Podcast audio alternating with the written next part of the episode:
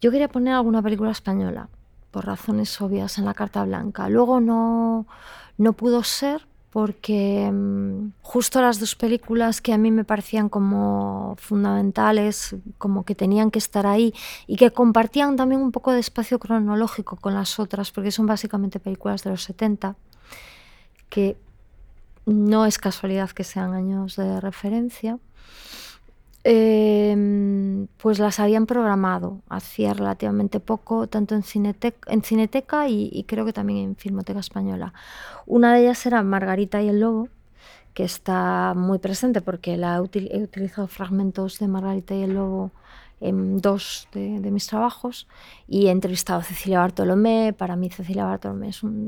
Cecilia Bartolomé y Josefina Molina también Pilar Miró, de alguna manera, lo que pasa Pilar Miró hace un trabajo mucho más narrativo tradicional, pero ojo, la Pilar Miró del crimen de Cuenca, por ejemplo, es una pasada, ¿no? Y que son las tres únicas mujeres que estudian eh, dirección de cine en los años 60 en España, ¿no? Y solo una de ellas tiene, tiene una carrera eh, normal, con una cierta normalidad, mm, por razones que tienen que ver con su engranaje político.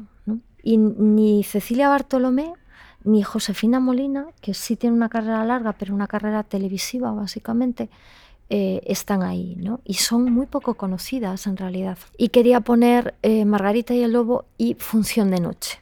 Función de Noche a mí me, parece un trabajo espectacular que la crítica, mm, bueno, mm, le, le dio por todas partes a Josefina Molina en aquel momento.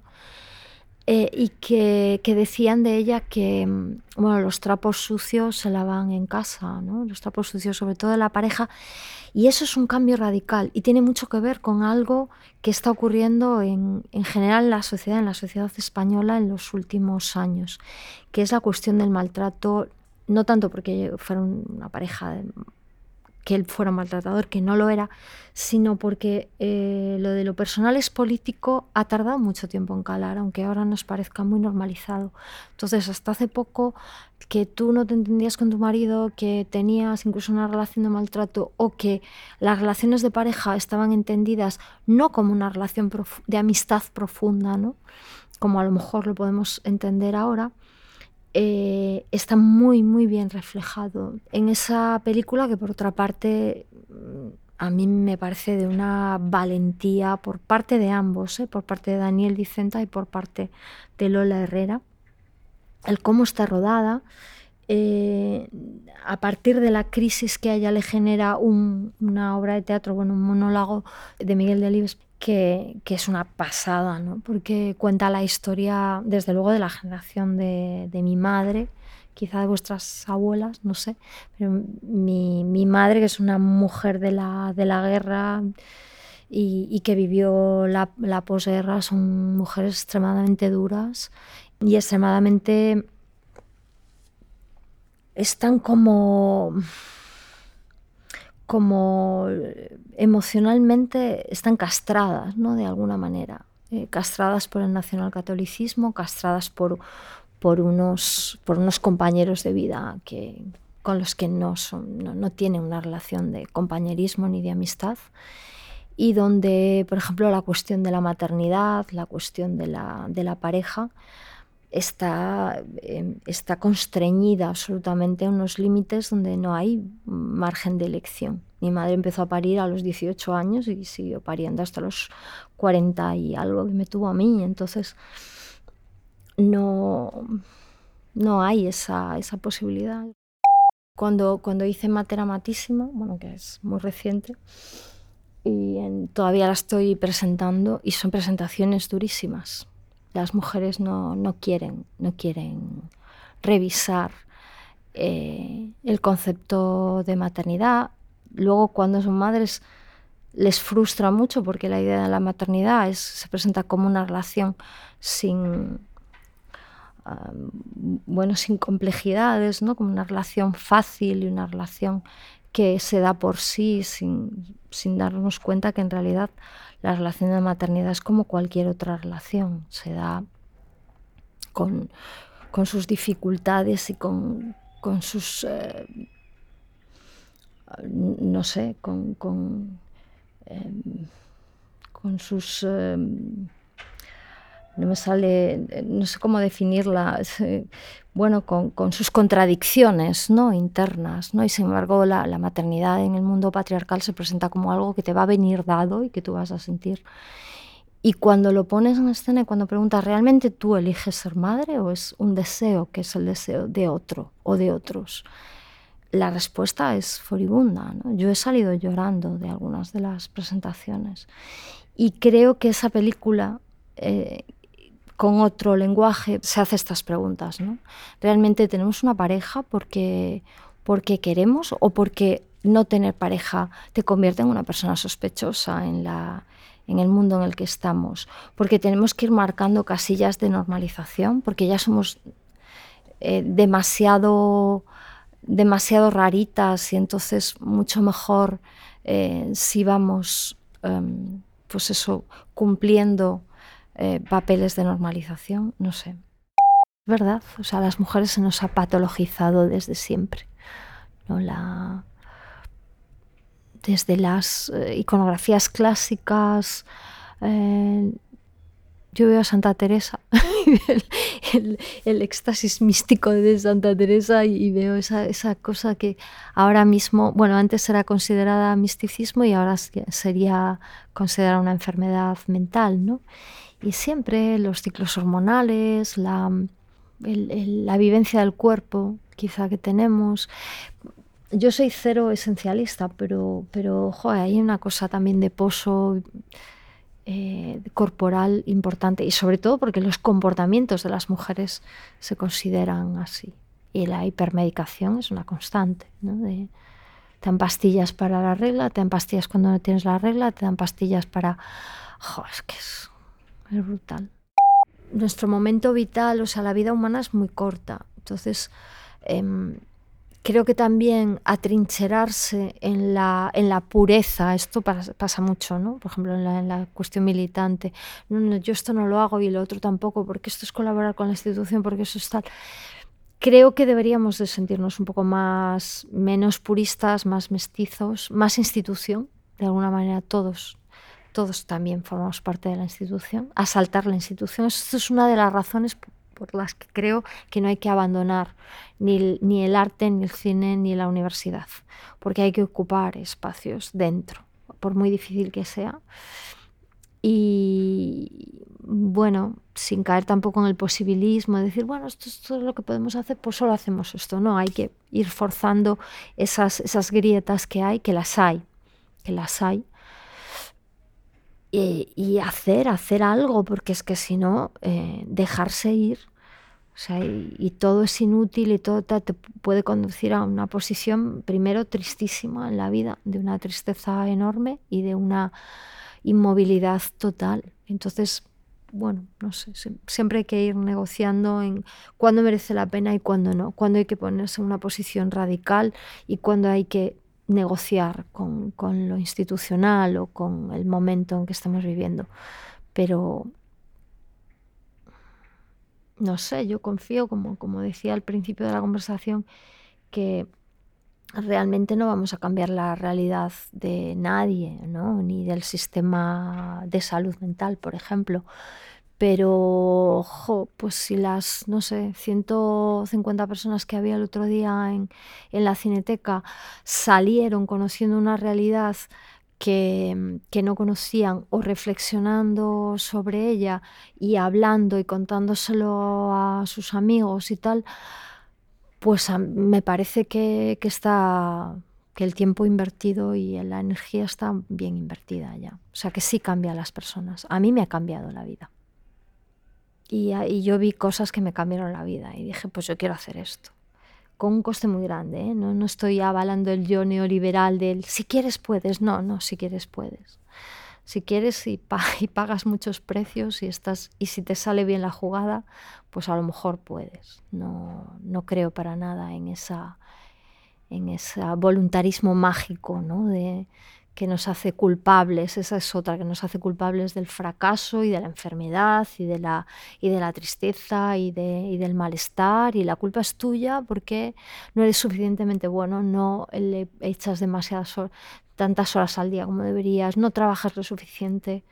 Eso es algo, sobre todo a las mujeres nos ha machacado con eso constantemente. Por una parte, no dediques tantos esfuerzos al trabajo porque es más importante la familia. Cuando lo haces te sientes culpable por una cosa y si no te sientes culpable por la otra. La cuestión es que nos sintamos culpables todo el tiempo. Mm, en el tema de la maternidad, por ejemplo, o sea, ser una mala madre es facilísimo. Es facilísimo, o sea, ya cuanto no les des la teta al niño durante mm, los diez primeros años de su vida, porque si no además no es inteligente y es culpa tuya, o sea, es el colmo ya. Es esta cosa esencialista, todos son tíos además, diciéndote cómo tienes que ser, cómo tienes que ser madre, cómo tienes que ser abuela, cómo tienes que ser la novia perfecta, como mm, estamos hartas ya de que nos digan. O sea, el día que pueda haber una presidenta del gobierno que lo haga mal, qué mal lo hace, pero claro, es que tal, pero es que es una mujer, entonces va por cuotas, perdona, o sea, ha habido 800.000 tíos que lo han hecho fatal y aquí no pasa nada. No por eso dejamos de poner a hombres en la presidencia del gobierno, o quien dice en la presidencia del gobierno dice en, cualquier cosa. O sea, el día que podamos relajarnos y no estar ahí siendo hiperperfeccionistas y trabajando el triple porque hay que para que para que me salga bien porque no me puedo permitir un mal día, no me puedo permitir un día donde esté de bajón o esté o no esté tan brillante porque entonces ya la he cagado, que eso yo creo que es esa autoexigencia que, tenemos interiorizada creo que nos está comiendo, pues habremos dado un paso adelante hacia, no sé, eso que llaman la igualdad. Pues mira, ahora estaba justo, acabo de escribir el, texto para el libro y, he hecho una especie de, casi de resumen a lo largo, con tres, tres eh, instantáneas eh, sobre las mujeres trabajadoras de los últimos 50 años. La última es una Instagramer, por cierto, el, biotrabajo ya, el, bio, biocapitalismo ya incorporado, donde cuando en el postfordismo hablábamos de que el límite entre vida y trabajo ya no existía, ahora ya hay una incorporación a través de las nuevas tecnologías, una vigilancia de la vida, la vida literalmente se ha puesto a, trabajar. Antes os decía que, todos los temas y de alguna manera todas las líneas de trabajo estaban en la memoria interior. Y en la memoria interior está esa cuestión de género, está esa cuestión de clase, está el trabajo. Porque la cuestión migratoria tiene todo que ver con, el, con el, empleo, ¿no? con el dinero, que, con la sostenibilidad de la vida, lo que te ayuda a sostener la vida con el, eh, par producción-reproducción que ahora por otra parte se está, está fraguando. Ya, ya no podemos hablar en términos, si la teoría del valor marxista hace tiempo ya que ha perdido, bueno, que, que está revisada, ahora también el, par producción-reproducción se está unificando porque la incorporación del cuerpo y, y de las emociones de la vida con el biocapitalismo y con el capitalismo emocional está totalmente fraguada, ¿no? está ahí en, eh, está aglomerada. Entonces, eh, yo creo que, tiene mucho que ver con la historia de, mi familia, de dónde vengo, el hecho de que yo no haya vivido nunca con mis padres, porque mis padres se habían ido a trabajar. O sea, yo de, pequeña preguntaba, mm, ¿dónde está mamá? ¿Dónde está papá? A mis hermanas, a mis hermanos, me decían, están trabajando, se han ido a trabajar porque aquí no tenían trabajo, porque aquí y tal. Entonces, yo creo que eso te, te, te, cala, ¿no? Te, lo incorporas a tu vida y, y, por una parte vengo de una familia militante con una educación, bueno, pues muy ligada al marxismo y, y por otra parte yo nunca he sido militante porque eh, del partido que quería mi hermano que militara, porque realmente para mí la gran escuela política ha sido el feminismo, ¿no? y el feminismo autónomo y en concreto la escalera caracola, ¿no? que es un poco mi casa matriz política. Y, Y en, en, la escalera Caracola, pues yo trabajaba al lado de un grupo que se llamaba Precarias a la Deriva. Toda la cuestión del precariado, de la... Hoy leía un artículo muy brillante de, de Nancy Fraser sobre la necesidad de definir el concepto de clase trabajadora, ¿no? A partir de términos como cognitariado, precariado, ¿no? Y de cómo la clase trabajadora actual no tiene nada que ver con la clase trabajadora tradicional, ¿no? Entonces, eh, los siguientes trabajos que hago después de... Esto, también, fíjate, me has hecho pensar que yo siempre me refiero a las películas como mis trabajos, el set del trabajo, porque soy muy todo todo lleva muchísimo trabajo y el trabajo cansa muchísimo, ¿no? O sea, yo tengo una sensación de, oh, me acuerdo de esta película y me acuerdo siempre de lo mucho que me costó conseguir tal entrevista o levantarme tal, o eh, que estuvimos tres años para, para, Siempre hay como mucho trabajo detrás de las películas, ¿no? Esto es algo que igual a la gente no le gusta reconocer o, o igual a la gente, a los otros, a otros artistas no les cuesta trabajo, o sea, le, parece todo va como fluido, pero a mí todo me cuesta muchísimo trabajo, o sea, mi estado natural sería no hacer nada, ese sería mi estado perfecto. Dicen, no, pero esto es, un, pero es, es, muy agradable tu trabajo porque aprendes mucho. Te digo, para mí el, el estado sería, para mí la, el tiempo que, que, me gustaría eh, pasar, el tiempo, cómo, cómo me gusta pasar el tiempo vital preferente es sobre todo tomando cañas con amigos. O sea, el, el babardé, el charlar, pero de nada en especial al sol. son las vacaciones. O sea, eso. Todo lo demás es mucho trabajo. Y eso es una cosa también que yo creo que nos falta en la institución arte, en la institución de la, en, la, en la representación, que no tenemos mucha conciencia de ser trabajadores y luego tenemos unas condiciones de trabajo malísimas, pero claro, como las de cada uno son diferentes, pues es muy difícil articular todo eso.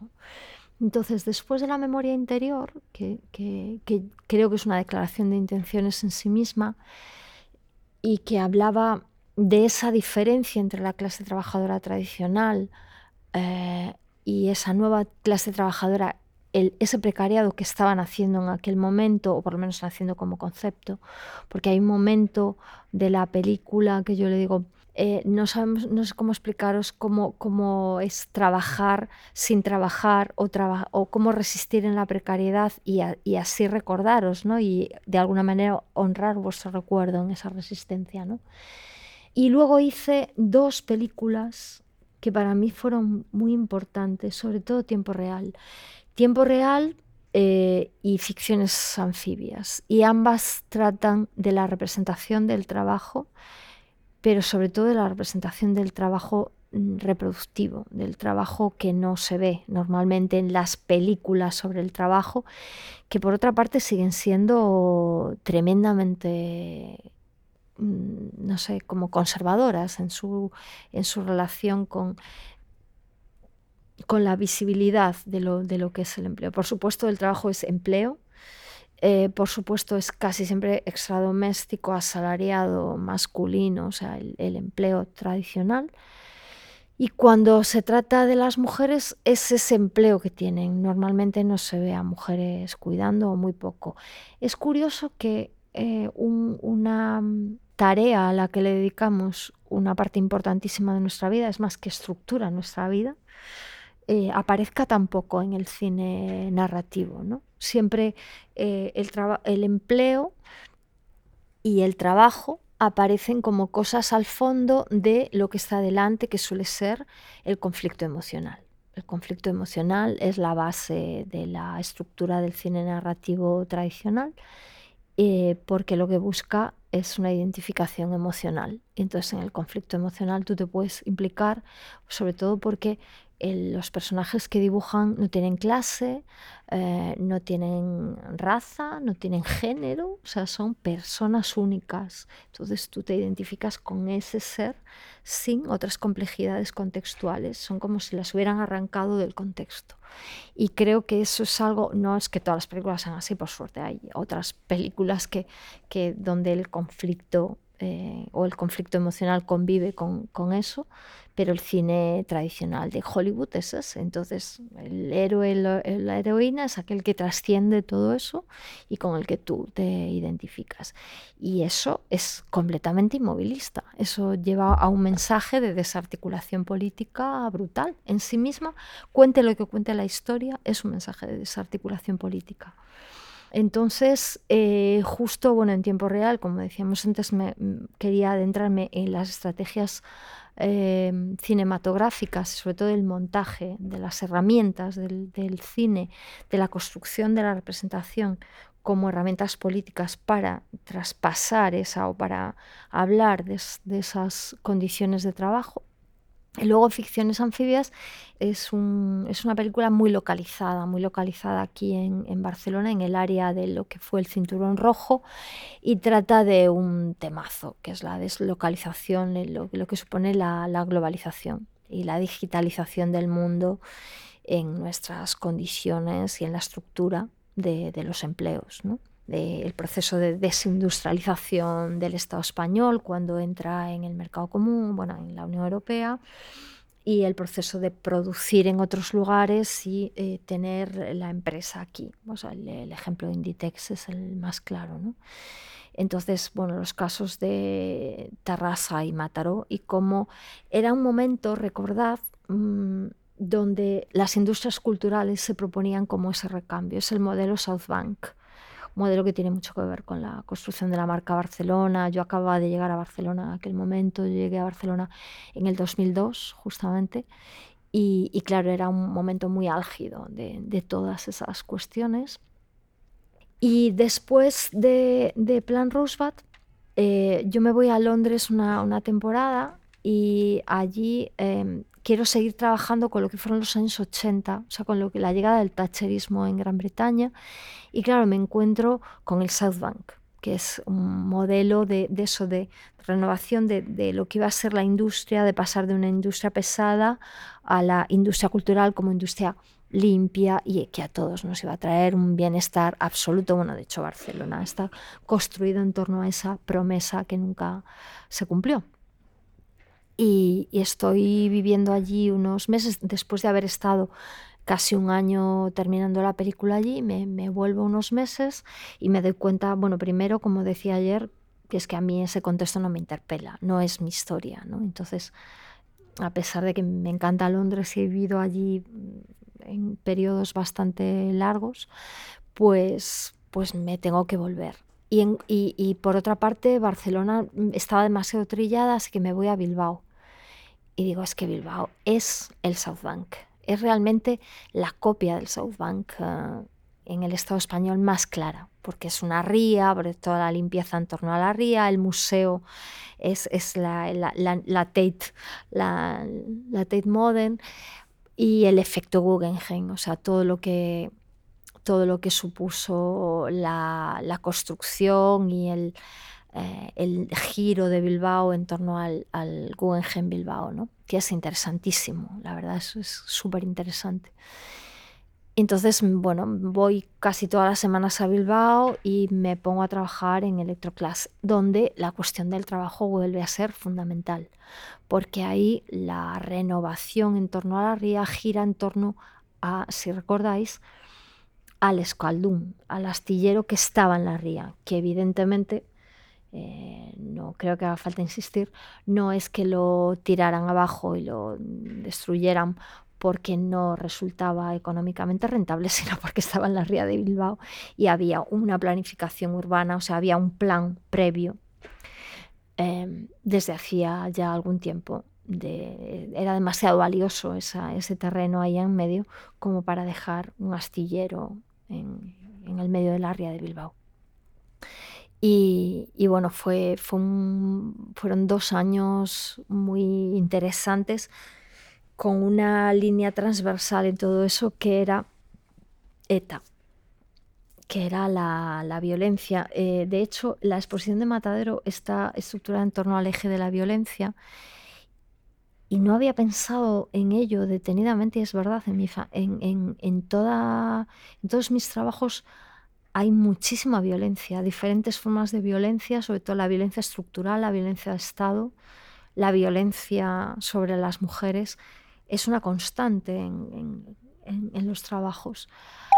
Ya cuando estaba haciendo Matera Matísima, eh, pensaba en retomar la cuestión del trabajo porque las cosas han empeorado mucho desde el 2011. O sea, toda la incorporación del capitalismo de plataformas, por ejemplo, la cuestión digital, las apps, eh, eso, el capitalismo biopolítico donde producción y reproducción se han juntado y ya no somos solo las mujeres las que hacemos esa reproducción, sino a los hombres también se les exige eh, que pongan el cuerpo, que pongan las emociones. Estoy pensando, por ejemplo, en los riders que es una de las entrevistas que hicimos para el libro, donde literalmente su cuerpo es su motor de, trabajo, ¿no? Los riders de Deliveroo son unas formas de trabajo loquísimas, loquísimas. Estuvimos en la huelga de San Fernando de Henares, de Amazon. O sea, Amazon es una cosa brutal, brutal. O sea, tiene unos almacenes a una escala gigantesca donde la gente recorre 20 kilómetros al día, nos decían. Y decía, pero esto no lo hace un robot. Yo pensé que lo hacía un robot.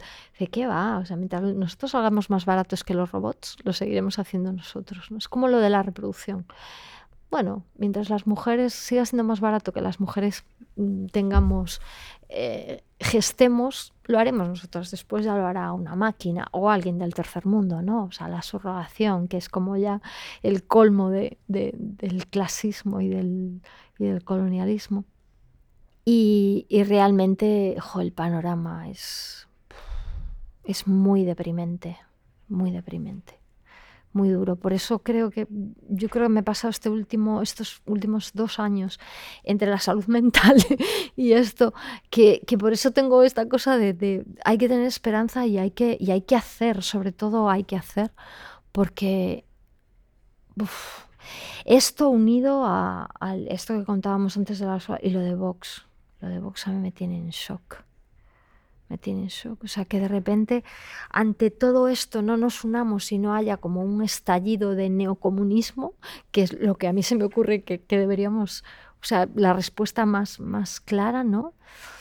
Al contrario, o sea, esta reacción, este atrincheramiento en lo peor del neoliberalismo y lo peor del conservadurismo nacional católico, porque además Vox es un partido, no, cuando dicen, no, el Front Nacional, el Front Nacional o Trump, yo creo que son fenómenos diferentes y el de aquí es tremendamente preocupante porque revive una historia muy cercana, muy cercana y muy dolorosa y muy... O sea, hay cosas que dicen estos señores que, que se me ponen los pelos como escarpias, que mis abuelos deben estar retorciéndose en la, en la tumba, ¿no?